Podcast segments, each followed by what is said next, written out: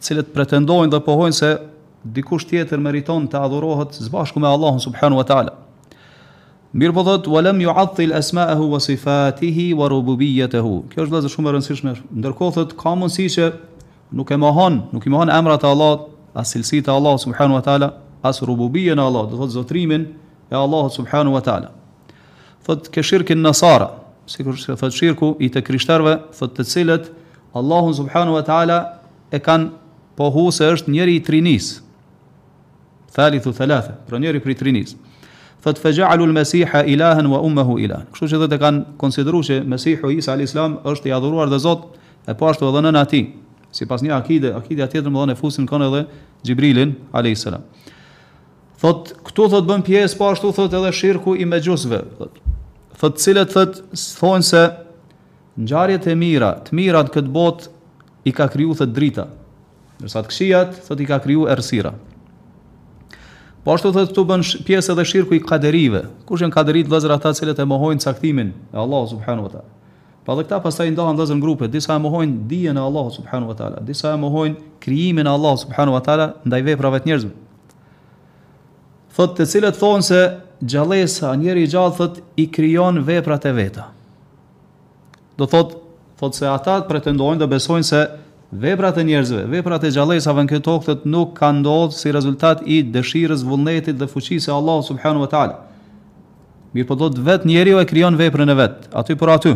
Më nuk i ka parapri diçka pe caktimit Allahut subhanahu wa taala thot wali hadha kanu ashbahil ashbahul majus.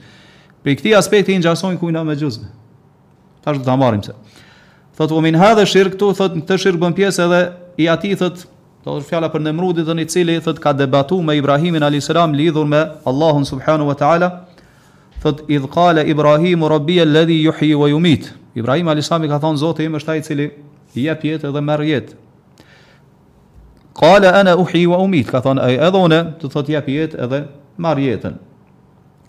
Do ta sqarojmë më vonë. Po ashtu thot Ibn Kaim thot ky person, pra Nemrudi thot e ka ngrit veten në një nivel me Allahun subhanahu wa taala, duke e konsideruar veten si të barabartë me Allahun subhanahu wa taala, jep jetë edhe vdekje, thot sipas pretendimit të tij. Thot ashtu siç Allahu subhanahu wa taala jep jetë dhe vdekje. Andaj thot Ibrahim alayhis salam thot e ka detyru Dmth që i ka thënë që në bazë kësaj fjale tane që ti po e thu, atëherë rezulton në mënyrë domosdoshme që ti do thot me e sjell diellin në kundërtën e anës prej cilës e sjell Allahu subhanahu wa taala. Do thot përderisa ti po pretendon se i ki të njëjtat cilësi çka sikur Allahu subhanahu wa taala. Po ashtu thot wa min hadha shirk thot shirku kathir mimman yushriku bil kawakib al ulwiyat. Këtë shirk thot bën pjesë edhe shirku i një pjese të madhe të atyre të atyre të cilët i bëjnë shirk Allahut subhanahu wa taala nëpërmjet trupave qiellor. Të cilët thotë i konsiderojnë këta trupa si zota të adhuruar, të cilët kanë ndikim edhe menaxhojnë rregullojnë jetën e botës, jetën e universit, mbarvajtjen e universit. Thotë siç është ky medhhebi, thotë i mushriki sabia wa ghairihim, mushrikëve paganëve, pi sabiinëve edhe tjerë. Po ashtu thotë në këtë shirk bën pjesë edhe shirku i adhuruesve të diellit, i adhuruesve të zjarrit, thotë edhe ngjajshëm me ta. Pastaj thotë dijetari Ibn Kaimi thotë mesin e gjithë këtyre thotë ka të atill që pretendojnë se i adhuruari i tyre është pikrisht el ilahu alal haqiqa. Është i adhuruari çka i vërtet, Zoti i vërtet. Thotë disa disa prej tyre pretendojnë se i adhuruari i tyre është Zoti më i madh. Ose i adhuruari më i madh. Thotë ka prej tyre që pretendojnë se Zoti i tyre, i adhuruari i tyre është një i adhuruar në mesin e të adhuruarve të shumë që ekzistojnë. Dhe thotë e veçon pastaj ata me adhurim, me përkushtim, me përulje, po i përkushtohet tërësisht atij, duke pretendu se ai pastaj i kushton vëmendje këtij personi edhe kujdeset për to, edhe e run. Thot ndërsa disa prej tyre thotë pretendojnë se I adhuruari i tij që është në një gradë më të ultë e afron te i adhuruari tjetër që është sipër tij, pastaj ai që është sipër te ai që është më sipër, thotë deri sa ky i fundit të afrojë tek Allahu subhanehu wa ta'ala. Andaj thotë fetaraten tekthurul wasaitu wa taraten thotë taqil. Nganjëherë thotë këto ndërmjetës që i merr njëri mes tij dhe mes Allahut thotë nganjëherë janë më të shumtë numër, nganjëherë janë më të pak numër, varësisht domethënë prej besimit që e kanë njerëzit. Pra këtu Ibn Kajimi, rahimahullah, po na sqaron këtë llojin e dytë të shirkut, po përmend se ky shirk është kur njeriu pretendon apo pohon se ka të adhuruar tjerë, së bashku me Allahun subhanahu wa ta'ala, mirëpo, po thotë edhe, shikoni vëllezër, kjo shumë e rëndësishme, edhe nëse është person i tillë që nuk e mohon do të thotë ekzistimin e Zotit, nuk e mohon, nuk i mohon emrat edhe cilësitë e Allahut subhanahu wa ta'ala, mirëpo ka ra në këtë shirk, Edhe pse nuk i mohon gjitha këto, ka ra në këtë shirk. Do thotë ka pohu se dikush është e meriton adhurimin së bashku me Allahun subhanahu wa taala. Pra ka marrë mes tij edhe mes Allahut subhanahu wa taala ndërmjetës. Ndërmjetës të cilëve ju ka kushtu drejta apo veçori që i takojnë vetëm Allahut subhanahu wa taala.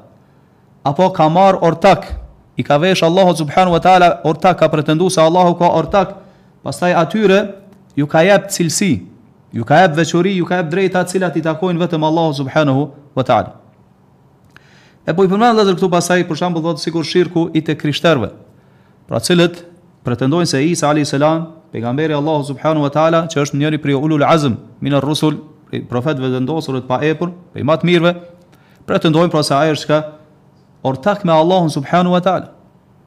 Edhe ja kushtojnë një pjesë të adhurimit atij. Në vend të Allahut apo së bashku me Allahun subhanahu wa taala, pra i kanë vesh cilësi, cilat janë të veçanta, karakteristika veç, cilësi veçori që janë vetëm për Allahun subhanahu wa taala. Do thonë i luten Isa alayhis salam, do thonë kërkojnë prej tij ndihmë e shpëtim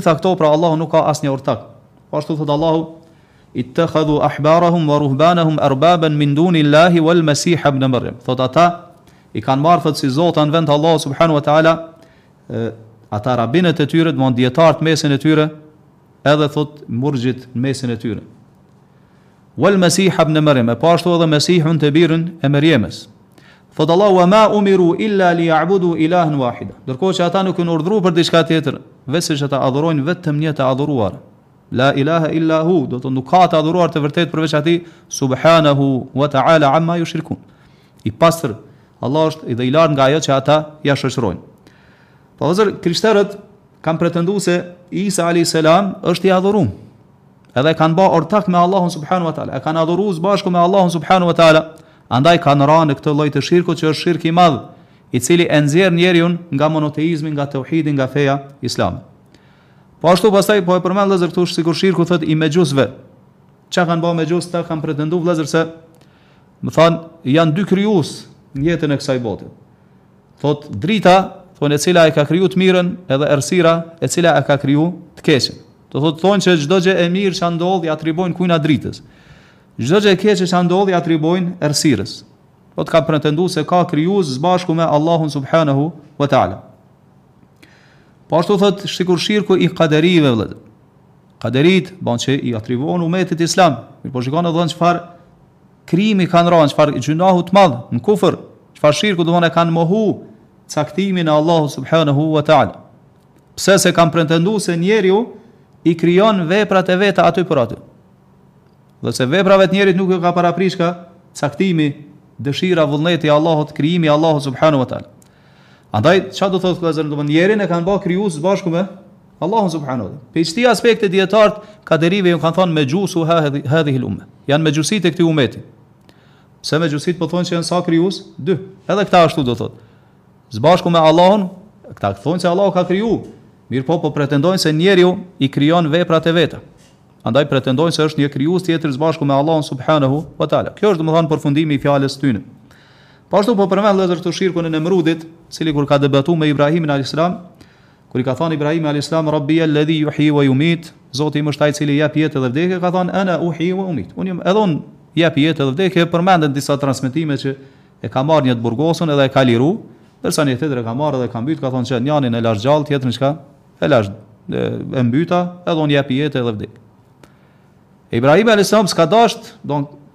Kjo kjo është shumë e palogjikshme, do thotë me i thonë se kjo është nuk është ajo që unë besoj. Edhe njeri që ka logjikë shnoshë, do të thonë e kupton këto. Mirëpo Ibrahimi alayhis salam ka dashur me e ndërprej, do të thonë debatin aty për aty edhe me e mposht. Pse ai ka thonë Fa inna Allaha yati bi shamsi min al mashriq. Ka thonë Allahu e bjen diellin me lind prej lindjes, fa'ti biha min al maghrib. Bone ti me lind ka perëndimi. Përderisa koke domethënë paske cilësi sikur të Zotit tem, hajde pra bëne atë që e bën Zoti jem. Çfarë thot Allahu fe buhite ledhi kefer. U shtang domethënë ai që ka bënë e ka ndërpre mo debatin e s'ka pas më kurrfarë argumente. Vëllezër kjo, thot, pastaj Ibn Kaimi, rahimahullah, thot, wa min hadha, shirku kethirin mimmen jushriku bil kawakibil uluijat. Këtu bën pjesë edhe shirku i shumë prej atyre të cilët i bëjnë shirk Allahut subhanahu wa taala nëpërmjet trupave qiellorë. Duke besuar në ta, duke i konsideruar do thotë se kanë ndikim në jetën tokësore apo në mbarëvajtjen e universit e universit. Edhe i adhurojnë do thotë i konsiderojnë si zota krahas Allahut subhanahu wa taala, siç është shirku i sabiinve. Do shikoni vëllezër këta me një anë besojnë në krijues, ndërsa në anën tjetër shkon edhe shpresat e tyre, frikën e tyre ku e varin, e varin tek planetet, tek trupat çka qiellorë duke i konsideru do thot si zota krahas Allahut subhanahu wa ta'ala edhe ju kushtojnë të drejta të cilat duhet na me ia kushtu vetëm Allahut subhanahu wa ta'ala. Vëllezër një shirk i ngjashëm me këtë cili është në ditë të sodit që ekziston, sikur i këtyre, e që vazhdimisht e hasim do të thotë nëpër revista, e hasim nëpër televizione. Horoskopi. Horoskopi, vëllezër, është i ndërtun pikërisht mbi këtë, mbi këtë akide të prishun. Po që trupat qiellorë yjet do të thonë lëvizja e tyre ndikon çka në jetën tonë në këtë botë. Në kontrollin do thonë e jetës tonë në këtë botë. Andaj vëllezër dijetarët kanë thënë se me lexu do të thotë horoskopin, nuk i pranohet njeriut njeriut çka namazi 40 ditë. Edhe nëse e lexon çka veç nga kureshtja apo.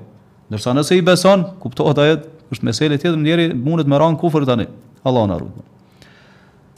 Pastaj po përmend këtu Ibn Kaimi thotë, këtu bën pjesë edhe shirku i atyre që adhurojnë diellin e adhurojnë zjarrin, e kështu me radhë, po të gjithë këta vëllezër i bën bashkë ajo se kanë marrë të adhuruar krahas Allahut subhanahu wa taala.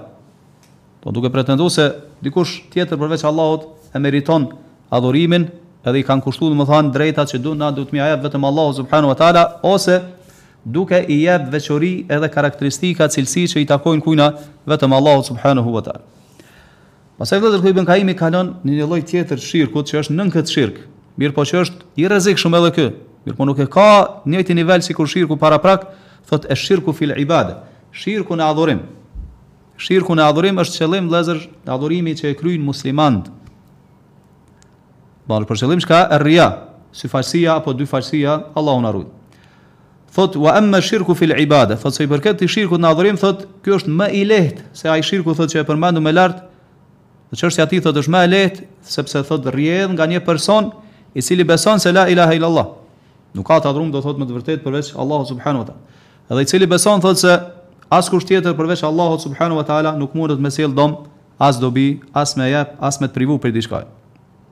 Beson thot se nuk ka të adhuruar të vërtet përveç Allahut, edhe nuk ka zot tjetër të vërtet përveç Allahut subhanahu wa taala. Mirëpo, ku është defekti i këtij personi? Thot la yukhlisu lillahi fi muamalatihi wa ubudiyatihi. Nuk është i sinqert në adhurimin, plotësisht i sinqert do thot, në adhurimin e tij ndaj Allahut subhanahu wa taala, në nënshtrimin raportin e tij rob Allah. Nuk është domethënë tërësisht i sinqertë. Përkundrazi çfarë bën thotë, nganjëherë thotë punon për hisën e vetes vet. Nganjëherë thotë për ta kërkuar ndonjë përfitim material të jetës së kësaj bote. Thotë nganjëherë për me kërku ngritje edhe pozitë edhe post tek njerëzit. Nganjëherë thotë, kështu thotë,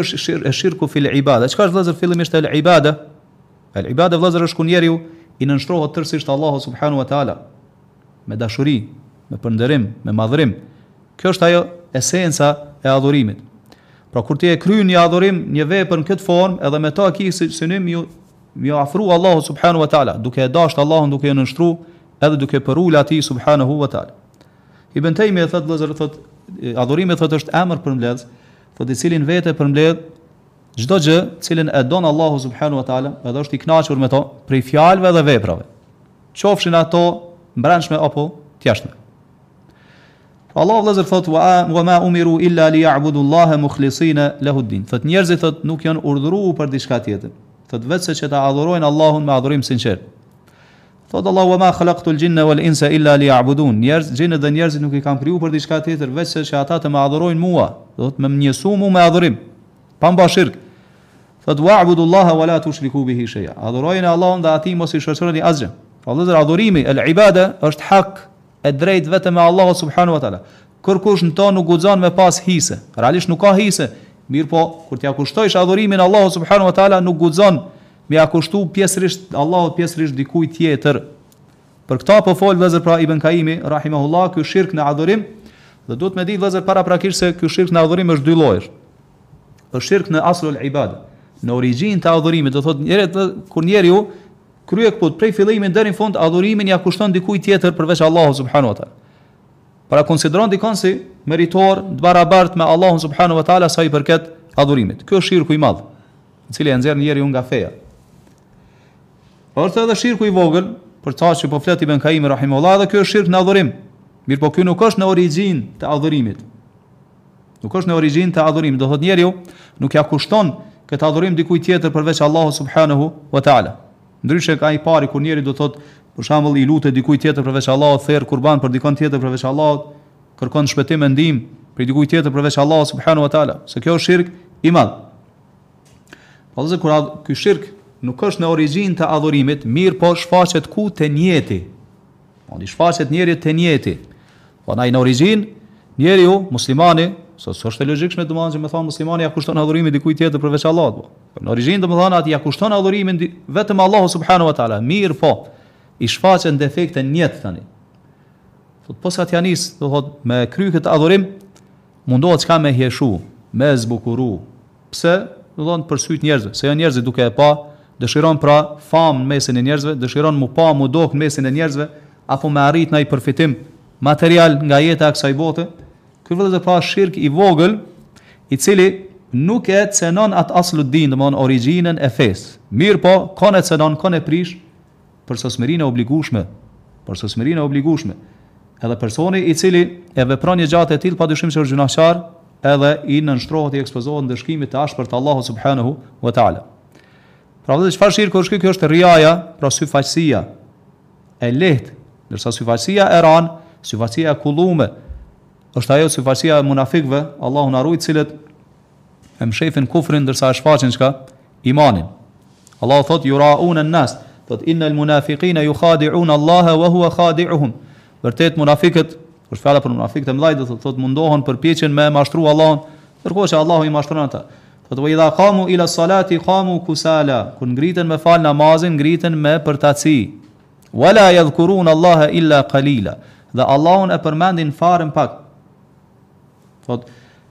Wa idha qamu ila salati qamu kusala yurauna an nas edhe çohen me përtesë edhe falen sa për sy të njerëzve që me i pa muslimanët kinse janë ka duke u fal po wala yadhkuruna Allaha illa qalila dhe Allahun e përmendin fare pak Pasi që kjo riaja, syfaqësia e munafikëve është në aslu din, është në origjinë të fesë.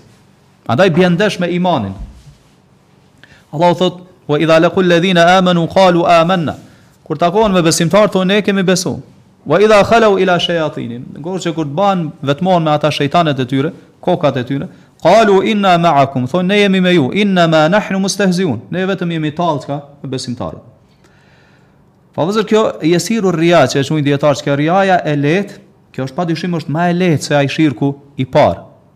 Mirëpo, nuk do thotë vëllezër që është ma i lehtë që kjo nuk është e rrezikshme. Edhe njeri shpëton do thotë lehtë prej saj. Padyshim vëllezër që kjo është shumë e rëndë. Shikoni vëllezër edhe pejgamberi sallallahu alaihi wasallam po tregon se ky shirk është shumë i përhapur në umetin e tij. Edhe shumë lehtë muslimani mundet me ra n'to. Po do thotë aq i mshehtë sikur do thotë milingona kur ec që ti nuk e heton që është tu ec afër teje. Bash ashtu depërton zemrën tane, pa e hetu hiç, pa e vrejt. Andaj vëllazër, përderisa qenka kështu, që po depërtojka në zemër kaq shpejt edhe kaq lehtë edhe kaq shumë, ne si musliman duhet m'u rujt vëllazër prej këtij shirku. Se koka shirk që po të vika prej gjitha anëve. Andaj duhet me trajtu shumë, do thotë me ju përkushtu shumë trajtimit tij, me pastru zemrën prej tij vazhdimisht. Edhe me shiku do thotë se kah po të vjen, Ku i ki ato defektet? Po? Edhe me e largu prej vetës. E jo me ju dorëzu vëllëzër. Shif vëllëzër selefi kanë thanë, ma njani prej tyne, ma, ale, ma alaxhtu shejen eshedde aleje min nijeti. Kur ka thanë s'kam trajtu dishka në vetën time, me dishka ma të ranë se sa nijeti im. Pra sa herë ka thanë po du me pastru po më vjen çka me një formë tjetër. Po. Dhe që është shumë e rrezikshme, është shumë e ranë. Kshtu vazhdimisht vjen, nijeti domethanë, është shumë vështirë me e majt nijetin në kontroll. Vazhdimisht mundohet çka me të ikë dhe me dalë prej kontrollit. Andaj duhet me pas vëllazër kujdes. Se të sulmon riaja syfaqësia prej të gjitha anëve. Edhe mundohet do thotë që gjithqysh një pjesë e adhurimit tond me ua kushtu ti njerëzve apo krijesave. Pa marrë parasysh a ki për qëllim do thotë rian, a ki dëshirën për famë, apo m'u dok do thotë para njerëzve, apo me arrit diçka përfitim prej tyre e kështu me radhë. Si po na përshkruan vëllezër pejgamberi sallallahu alajhi wasallam këtë shirk, Po thotë është më i msheft se sa ecja e milingonës. Shkon vëllezër nëse ne, ne jemi ulur këtu edhe na kalon para një milingon, a mund është me e ni, mi ni hapat që është duke ecë? Jo, është e pa mundshme. Ashtu domethënë ky shirk qenka. Mirëpo jo kështu, po vëllezër po thotë se akhfa, hala ma i msheft, se sa hapat e milingonës. Andaj, ka ardhë me një transmitim tjetër që vëllezër që pejgamberi alejhi selam ka thonë që kjo është diçka që frikohna për umetin tim ma shumë se sa dexhallit.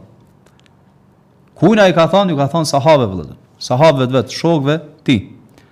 Andaj vëllezër muslimani pra i cili ja don të mirës mirën vetes dhe don shpëtimin në këtë botë, edhe shpëtimin ajo çka është më rëndësishme, domethënë botën tjetër, në mënyrë që mi pas domethënë adhurimet e sakta që t'i pranon Allahu subhanahu wa taala, duhet me pas kujdes vëllezër mos me ra në këtë shirk. Këtë rijanë, këtë syfaqësi, përderisa qenka kaq i fshehtë edhe kaq i rrezikshëm, që domthon ta prishë veprën edhe ta humbë shpërblimin e veprës, pra duhet me pas vëllezër kujdes, për këtë arsye Abdullah ibn Ebi Mulejke, që ka qenë prej tabiinëve të mëdhenj, ka thënë edraktu akthara min thalathina sahabiyyan, thotë i kam taku më shumë se tridhjetë sahabi, kulluhum yakhafu an-nifaqa ala nafsihi, secili prej tyre frikohej dyfytyrësisë për veten e vet, nifakun, domethënë kësaj dyfytyrësisë Është fjala në vepër, jo asoj të madhe se ata nuk kanë dyshuar se janë musliman. Shikon vëllezër sahabët domethënë janë friku për veten e tyre se mos kanë në veten e tyre nifak ameli, domethënë nifak në vepër jo në i'tikad. Po çështja është shumë e rëndë, domethënë shumë e vështirë me u rujt se çdo moment që ti për shembull fillon edhe e nis një punë të mirë, një adhurim diçka kërkimin e dijes për shembull, vjen domethënë edhe sulmon nijetin. Fillon me fal namaz, vjen edhe të sulmon nijetin. Dëshiron me jep sadaka, vjen edhe ta sulmon çka nijetin. Dëshiron me dal me fol para njerëzve, me i mësu njerëzit, me ja shpjegu fenë e Allahut, vjen edhe të sulmon çka nijetin. Çdo pozitë vëllezër që njeriu sillet ka domethënë në jetën e vet, të vjen kjo edhe mundohet me ta prish nijetin. Namaz, mundohet njëri me hijeshu për shembull namazin për dikon tjetër. Apo shikon vëllezër çështja për shembull është një njeri që ka, domethënë, mangësi të madhe në faljen e suneteve, për shembull, kurrë nuk i fal sunetet. Mirëpo, është duke ndajt me një me një vend, edhe aty ka njerëz që ai i respekton, kanë pozitë kështu me radhë, apo vëllezër të tjerë musliman, edhe çka i vjen për shembull keq që ata me thonë se ky s'po çohet për shembull me fal sunetin dhe çohet çka e fal sunetin. Edhe pse realisht ai ndoshta kurrë nuk e fal sunetin, kur është vetë për shembull. Kjo është rija vëllezër, kjo është çka, kjo është syfaqësi.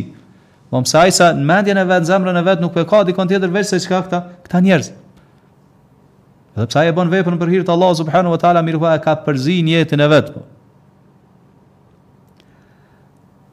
Pasi vjen prej gjitha anëve, është shumë e rrezikshme në mënyrë që ty me ta prish Nijetin edhe me ta asgjësu veprën që ty do thotë ti mos mu shpërbly për atë vepër cilën e bon për hir të Allahut subhanu te ala shikoni vëllezër sahabit me her po e pyesin pejgamberin fe kejfe nenxhu minhu si me shpëtu o pejgamber i Allahut do thotë prej këtij shirku shikoni vëllezër pejgamber sahabit shokët e pejgamberit sallallahu alaihi wasallam e kanë pyetur e kush kanë qenë ata në çfarë pozite kanë pas te Allahu subhanu te ala megjithatë po e vrejmë se janë frigu shumë për veten e vet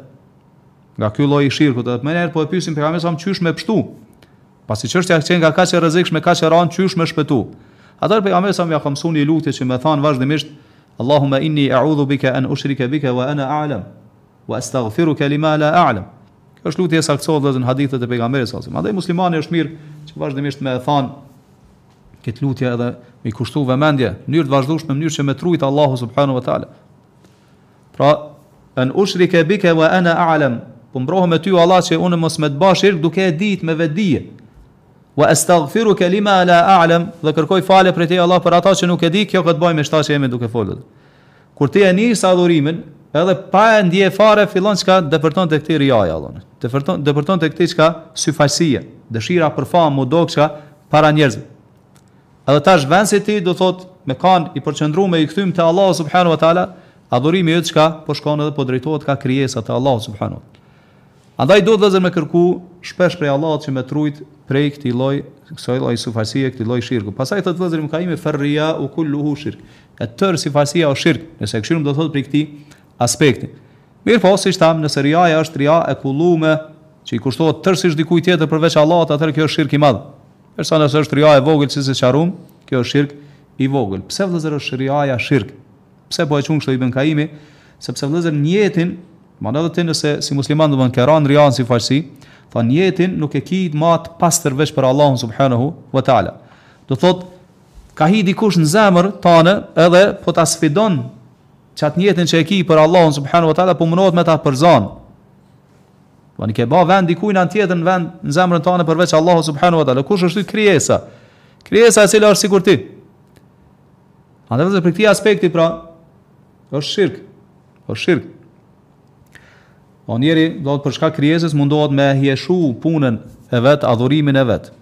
Shikoni vëllezër pra si pejgamberi sallallahu alajhi wasallam këtu po na këshillon sa mirë, edhe po na tregon se çështja është shumë e rrezikshme në mënyrë që ne të ruhemi, të ruajmë adhurimet tona, të kemi adhurimet tona të sakta që kur dalim para Allahut subhanahu wa taala, me na shpërbly Allahu për to. Pra me na mbet adhurimet veç për hir të Allahut subhanahu wa taala, mos me pas adhurimin tonë për hatir dikujt tjetër përveç Allahut subhanahu wa taala, sepse Allahu nuk e pranon vëllezër veprën e pasinqertë.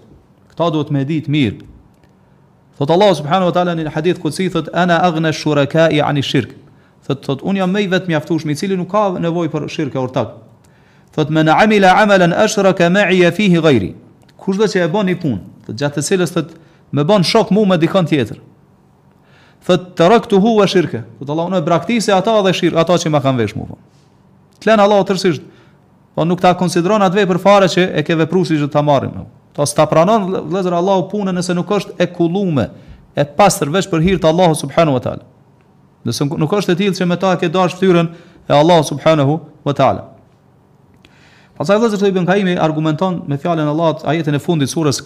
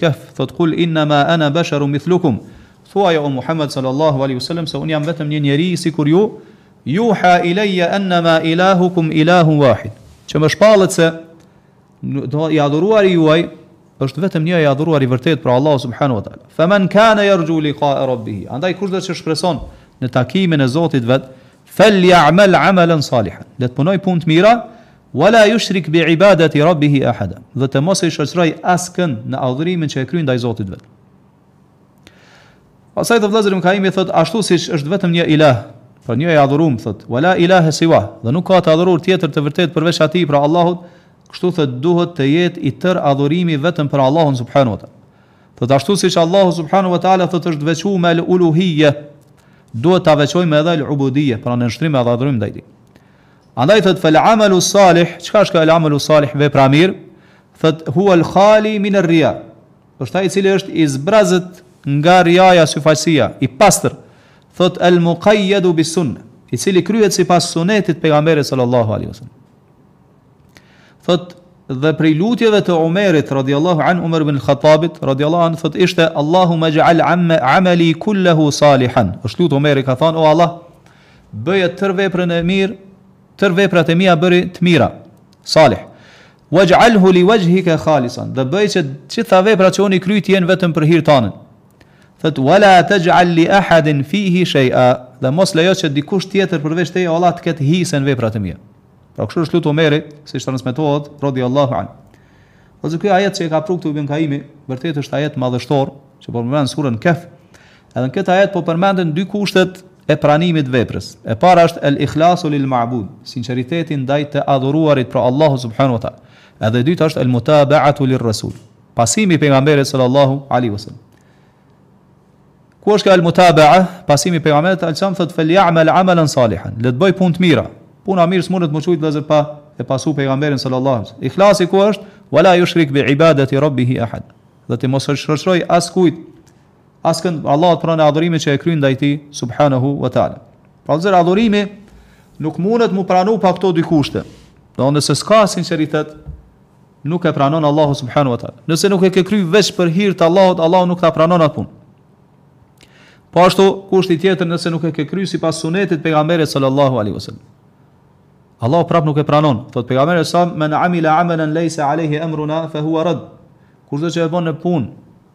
Fjala për adhurim thotë jo në përputhje me çështjen tonë, pra me sunetin tonë, fenë tonë, unë që ja kam mësuar juve thotë fa huwa rad.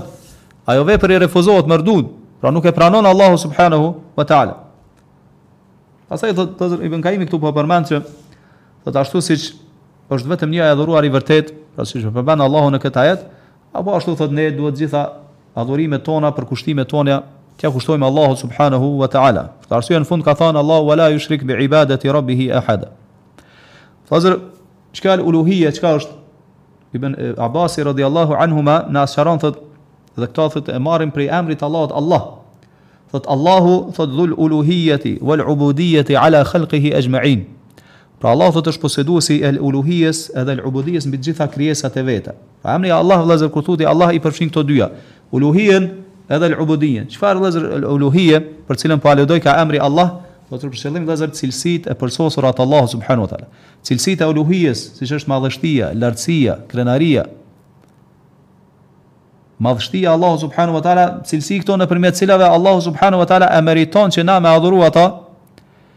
Që me ju përul atina, me ju nënshtru atina dhe vetëm atij dhe askujt tjetër.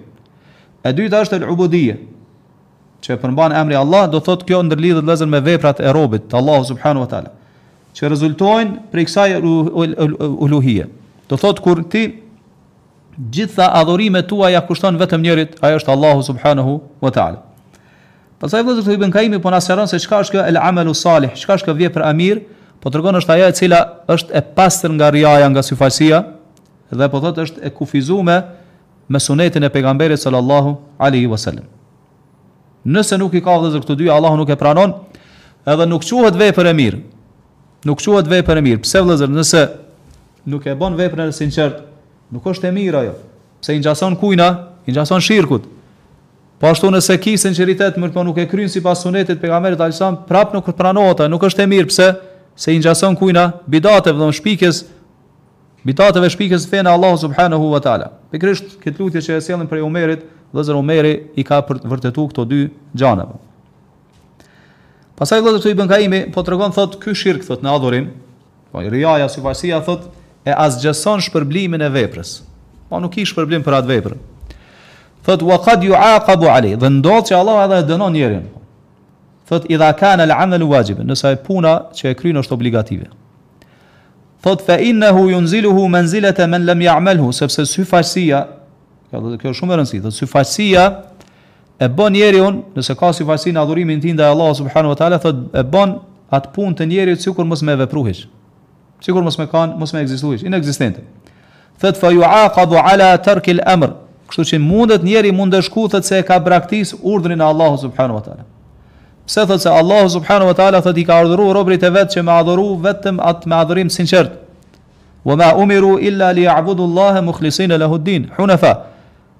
Thot Allahu thot duke qenë se ata nuk janë urdhëruar me diçka tjetër, mirëpo vetëm që ta adhurojnë Allahun me adhurim sinqert.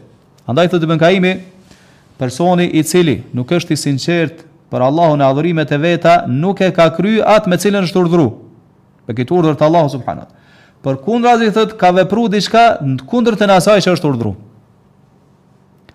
Andaj thot fala yasihu wala yuqbalu minhu. Vepra e tij nuk është e vlefshme edhe nuk i pranohet.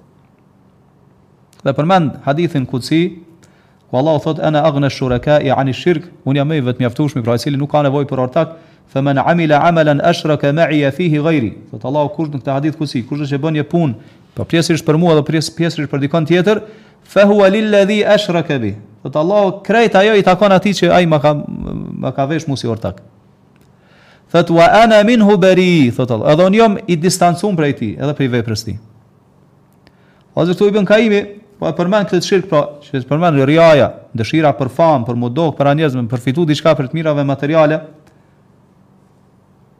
Për këta po përmend edhe se Allahu nuk të shpërblen për atë vepër, nuk ki kurrfarë shpërblimi. T'asgjësohet shpërblimi i veprës. Ke hi namaz, edhe ta ka mujt syfaqësia, ai namaz, domethënë për atë namaz nuk shpërblehesh te Allahu subhanahu wa taala.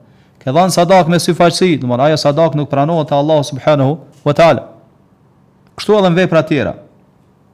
Mirëpo vëllazër, këtu është një çështje tjetër tash që po vjen shtesë te Ibn Kaimi. Mirë, Allahu s'po të shpërblejka për atë punë. Mirëpo, a do thotë kjo që ti edhe nuk dënohesh? A nuk a do të thotë kjo që ti edhe nuk dënohesh? Shikoni tash vëllezër këtu dobinë që po e sjell Ibn Kaimi, po thotë wa qad yu'aqab, dhe ndodh vëllezër thotë që edhe dënohet njeri. Thotë kur thotë idha kana al-amalu wajib. Nëse adhurimi që e kryen ai është thotë obligativ, pse vëllezër dënohet njeri muslimani? Thotë se Dikush mundet me thanë, pse m'u dënu kur ai domethënë e ka kryer një obligim të Allahut subhanahu wa taala që ia ka kryer obligim. Mirëpo nëse shikojmë, siç thamë vëllazër, a e ka kryer realisht ashtu siç e ka urdhëruar Allahu subhanahu wa taala? A e ka kryer obligimin që ia, me cilën e ka ngarkuar Allahu subhanahu wa taala? Jo. Pse vëllazër se Allahu e ka urdhëruar që ai me kryer adhurimin, mirpo jo në çfarëdo lloj forme. Na ka urdhëruar që me kryer adhurimin çka sinqerisht për Allahun subhanahu wa taala. Edhe sipas sunetit pejgamberit sallallahu alaihi wasallam. Andaj prej këtij aspekti, me thanë, ti nuk e ke kry ata me cilën të ka urdhëruar Allahu subhanahu wa taala. Andaj e meriton dënimin e Allahut subhanahu wa taala. Pra për shembull nëse falesh me ria me syfaqësi, nuk shpërblehesh, madje ndodh edhe që dënohesh siç po tregon këtu Ibn Kaimi rahimahullah. Shikoni edhe këto Një një fat fatkeqësi që një domethanë që kanë po ndodh në ditët e sotshme me këta telefona të mençur, me këto rrjete sociale. Njerëz bijnë në këta do thot pa e ditë. Ju mungon do thot çka vetëdijësimi, ndërgjegjësimi fetar në këtë aspekt.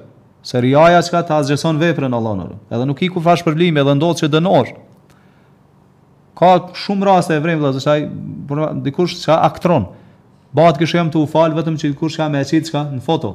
Edhe pastaj e, e shpërndan atë foto në rrjete sociale. Apo bëhet kinse çka po lexoj mushaf e hap mushafin, moment që i bëhet foto çka e mbyll mushafin. Edhe e përhap pastaj në rrjete sociale. Apo bëhet kishe i kam ngrit durt drejt qiellit, drejt Allahut subhanahu wa taala edhe po lus moment që i bëhet foto, mos çka e ndërpren. Kjo është, është ria, mirëpo çka është edhe? Gënjeshtër, është rren Allahun. Shikoni vëllazër. Allahu subhanahu wa taala, personin i cili po u falka, po e lutka Allahun subhanahu wa taala, po kryjka haxh, po kryjka umre. Nëse gjitha këto i ka përzi me ria.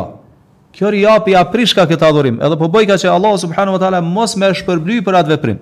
Si është puna me ata që realisht nuk është fal hiç, mirëpo aktron edhe bëhet kinse jam duke u fal. Edhe del ashtu çka i poston ato foto pastaj në rrjetet sociale para njerëzve. Padyshim vëllezër që kjo është domethënë hala krim apo gjynah më i madh. Andaj vëllezër duhet me pas kujdes edhe me këshillu njerëzit në këtë aspekt. Pastaj vëllezër Ibn Kaimi po thotë pse është kështu? Thot fa innahu yunziluhu manzilata man lam ya'malhu, sepse kur njeriu do të përzin punën e tij pjesërisht për Allahun, pjesërisht për dikon tjetër, kjo bëhet sikur mos me vepru at punë hiç. Pse? Se vëllezër, Allahu, siç thamë, na ka urdhur që na me e kry punën, adhurimin vetëm për Allahun subhanu ve teala. E ky person nuk e ka kry për Allahun subhanu ve teala. E thamë që sinqeriteti el ikhlas është kusht që Allahu me ta pranu veprën. Pra sikur Allahu që nuk e pranon, për shambull, abdesin, e, nuk e pranon namazin pa abdes, personi cili falet pa abdes, nuk i pranohet namazi. Edhe nëse i fal, të falet tërë natën, lodhet duke fal, nuk pranohet. Kështu është puna vëllazër edhe nëse nuk nuk e ki ikhlasin sinqeritetin. Sa vëllezër ka thënë Ibn Kaimi me një rast, thotë kush thotë thuaj atij i cili nuk është i sinqert në veprat e tina mos u lodh. Mos u lodh, se çka Allahu nuk ta pranon at adhurim. E cila është vëllezër më e rëndësishme, abdesi apo sinqeriteti në adhurim?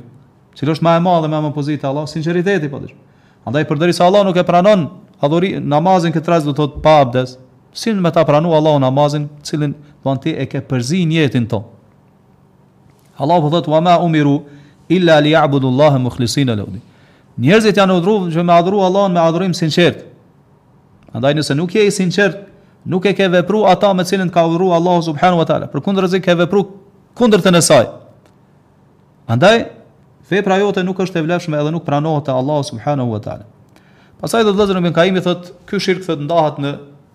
Shirku domethënë që po flet për këtë shirkun ria thotë që falet prej Allahut edhe që nuk falet, thotë ndahet në shirk të madh edhe të vogël, siç është harum aral ria, domethënë siç mundet me kan.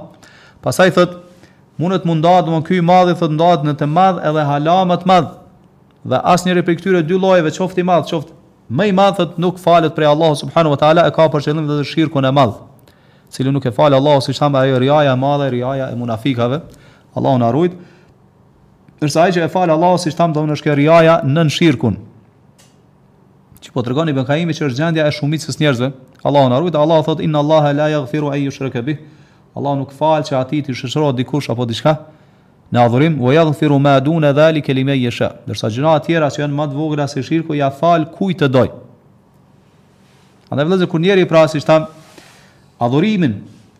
Në origjinë, prej fillimit deri në fund ia kushton dikujt tjetër përveç Allahut subhanahu wa ta'ala, siç është duaja, zotimi, therja e kafshës, kërkimi i shpëtimit, ndihmës, ky domethënë ka rënë në shirk të madh, i cili nuk e fal Allahu subhanahu wa ta'ala. Ndërsa nëse fillimisht e nis adhurimin vëllezër për hir të Allahut subhanahu wa ta'ala, mirëpo i përzihet me ria, dëshirë mu dok para njerëzve, mu, mu, me marr famë para njerëzve, kjo vëllezër ta prish punën. Edhe siç thamë, Kjo e bën që ti mos mu shpërbly te Allahu subhanehu wa ta'ala edhe ndodh që mundesh siç tha Ibn Kaimi edhe mu dënu, mirëpo nuk nxjerr prej fesë. Kjo nuk nxjerr prej fesë sepse është shirk i vogël e jo shirk i madh siç e morëm ma lart. Mirë, Ibn Kaimi pastaj thot, po kalon në një lloj shirku tjetër dhe me këtë po e përmbyllim thot wa minhu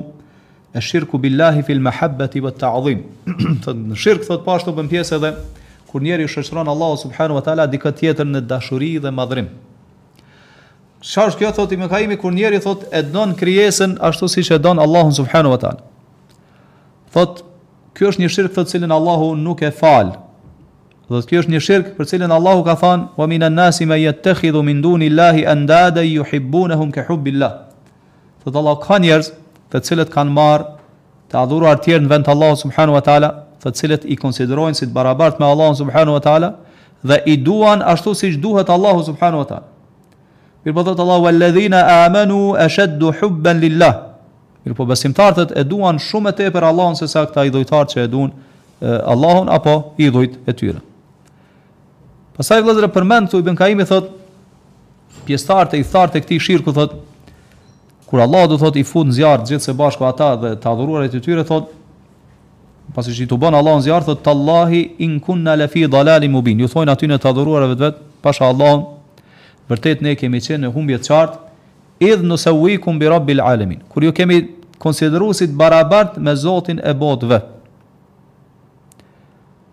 Pastaj do ta sqarojmë këtë çfarë është kjo barazia, në çfarë aspekti i kanë konsideruar të barabartë me Allahun subhanahu wa taala.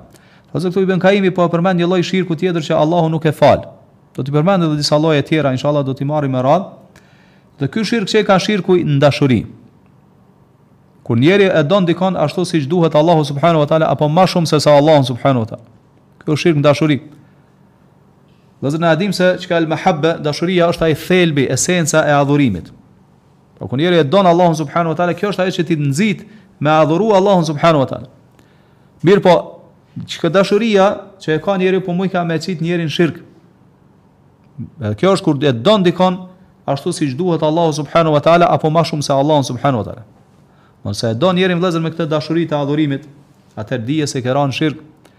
E ke konsideruar dikon si të barabartë me Allahun subhanehu wa ta'ala.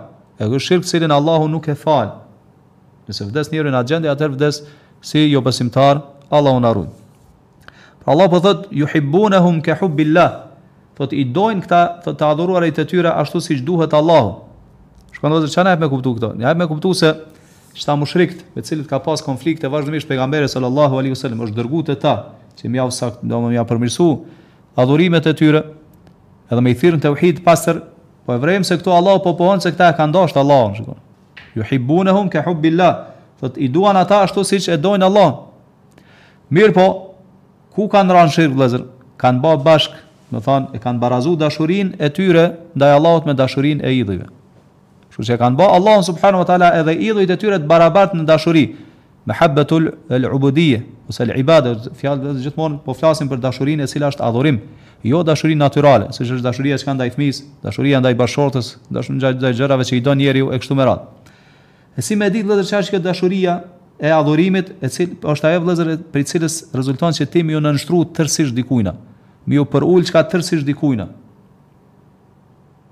Pra, m'iu përul edhe m'u thy para atij të cilin ti e do. E kjo i përket kujna, veç Allahut subhanu ve teala, kjo asesi nuk guxon m'i përk, m'i, m'i, do thotë t'i, t'i jepet një pjesë e saj krijesës. Se në moment nëse bën ashtu, ashtu ke ra në shirk vëllezër. Andaj duhet me pas kujdes. Shikoni vëllezër, Allahu po thot: "Walladhina amanu ashaddu hubban lillah." Mirpo besimtarët e duan shumë më tepër Allahun subhanahu wa taala. Se sa do thotë që këta mushrikt, pagant e duan Allahun. Pse? Se vëllezër muslimanët besimtarët e dojnë Allahun me dashuri, dashuri të pastër. Nuk është dashuri që është e përzime me tjerë përveç Allahut subhanahu wa taala, siç është dashuria e mushrikëve. Edhe nëse dashuria e mushrikëve për shembull themi se është dashuri e fortë ndaj Allahut subhanahu wa taala, ka qenë Prap se prap, domethënë nuk merret vëllezër në konsideratë. Pse se e kanë përzi me dashuri ndaj dikujt tjetër përveç Allahut subhanahu wa taala. E kjo vëllezër po tregon pasaj Ibn Kaimi po bjen fjalën e Allahut se këta njerëz në ditën e Kiametit kanë mu, do kanë mira pishman shumë, edhe kanë mu pendu shumë, mirëpo është koha aty kur nuk pranohet domethënë pendimi, edhe nuk bën dobi kurrë pendimi. Edhe përmend Allahu se si kanë me diskutu, do thot me ta në zjarr xhehenemit,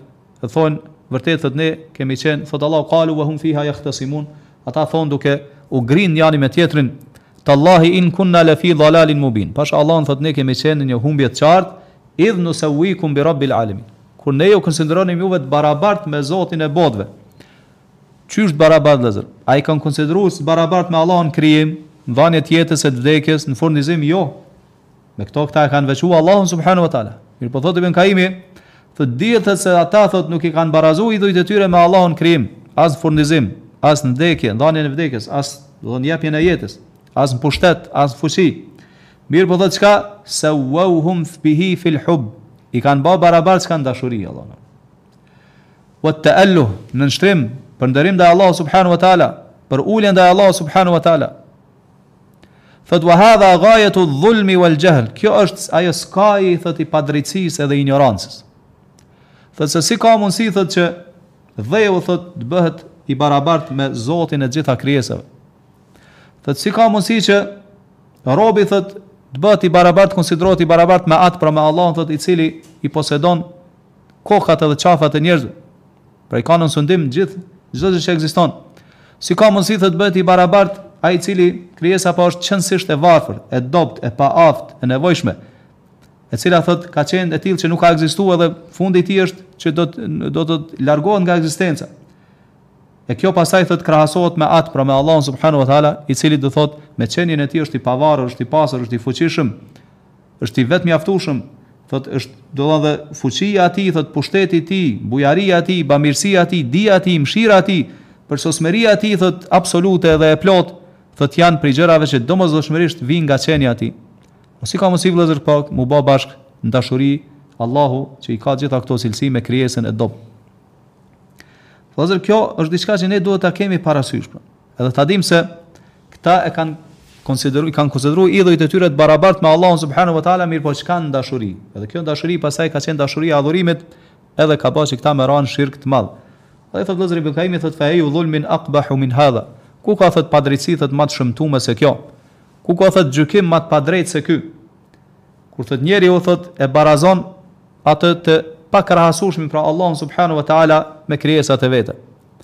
Thot Allahu në Kur'an thot Elhamdulillahi alladhi khalaqa as-samawati wal arda wa ja'ala adh-dhulumati wan nur. Thot çdo lavdrim dhe falënderim i përket Allahut, i cili i ka kriju qejt dhe tokën dhe ka kriju i ka kriju errësirat edhe dritën. Thot thumma alladhina kafaru bi rabbihim ya'dilun. Pas gjitha këtyre thot ata të cilët nuk besojnë, thot i konsiderojnë të tjerët barabart me Allahun subhanahu wa ta'ala. Kështu thotë Ibn Kaimi thotë mushriku thotë e ka bat barabart atë pra Allahun i cili ka kriju qejt, ka kriju tokën, ka kriju errësirat, ka kriju dritën. Ka bat barabart me atë i cili thotë nuk posedon me veten e tij, për veten e tij as për dikë tjetër thotë as një grimc, qoftë në qej apo në tokë. Andaj thotë ky ky barazim që ka ba mes Allahut edhe krijesës thotë përmban në vete padrejtësinë më të madhe edhe padrejtësinë më të shëmtume.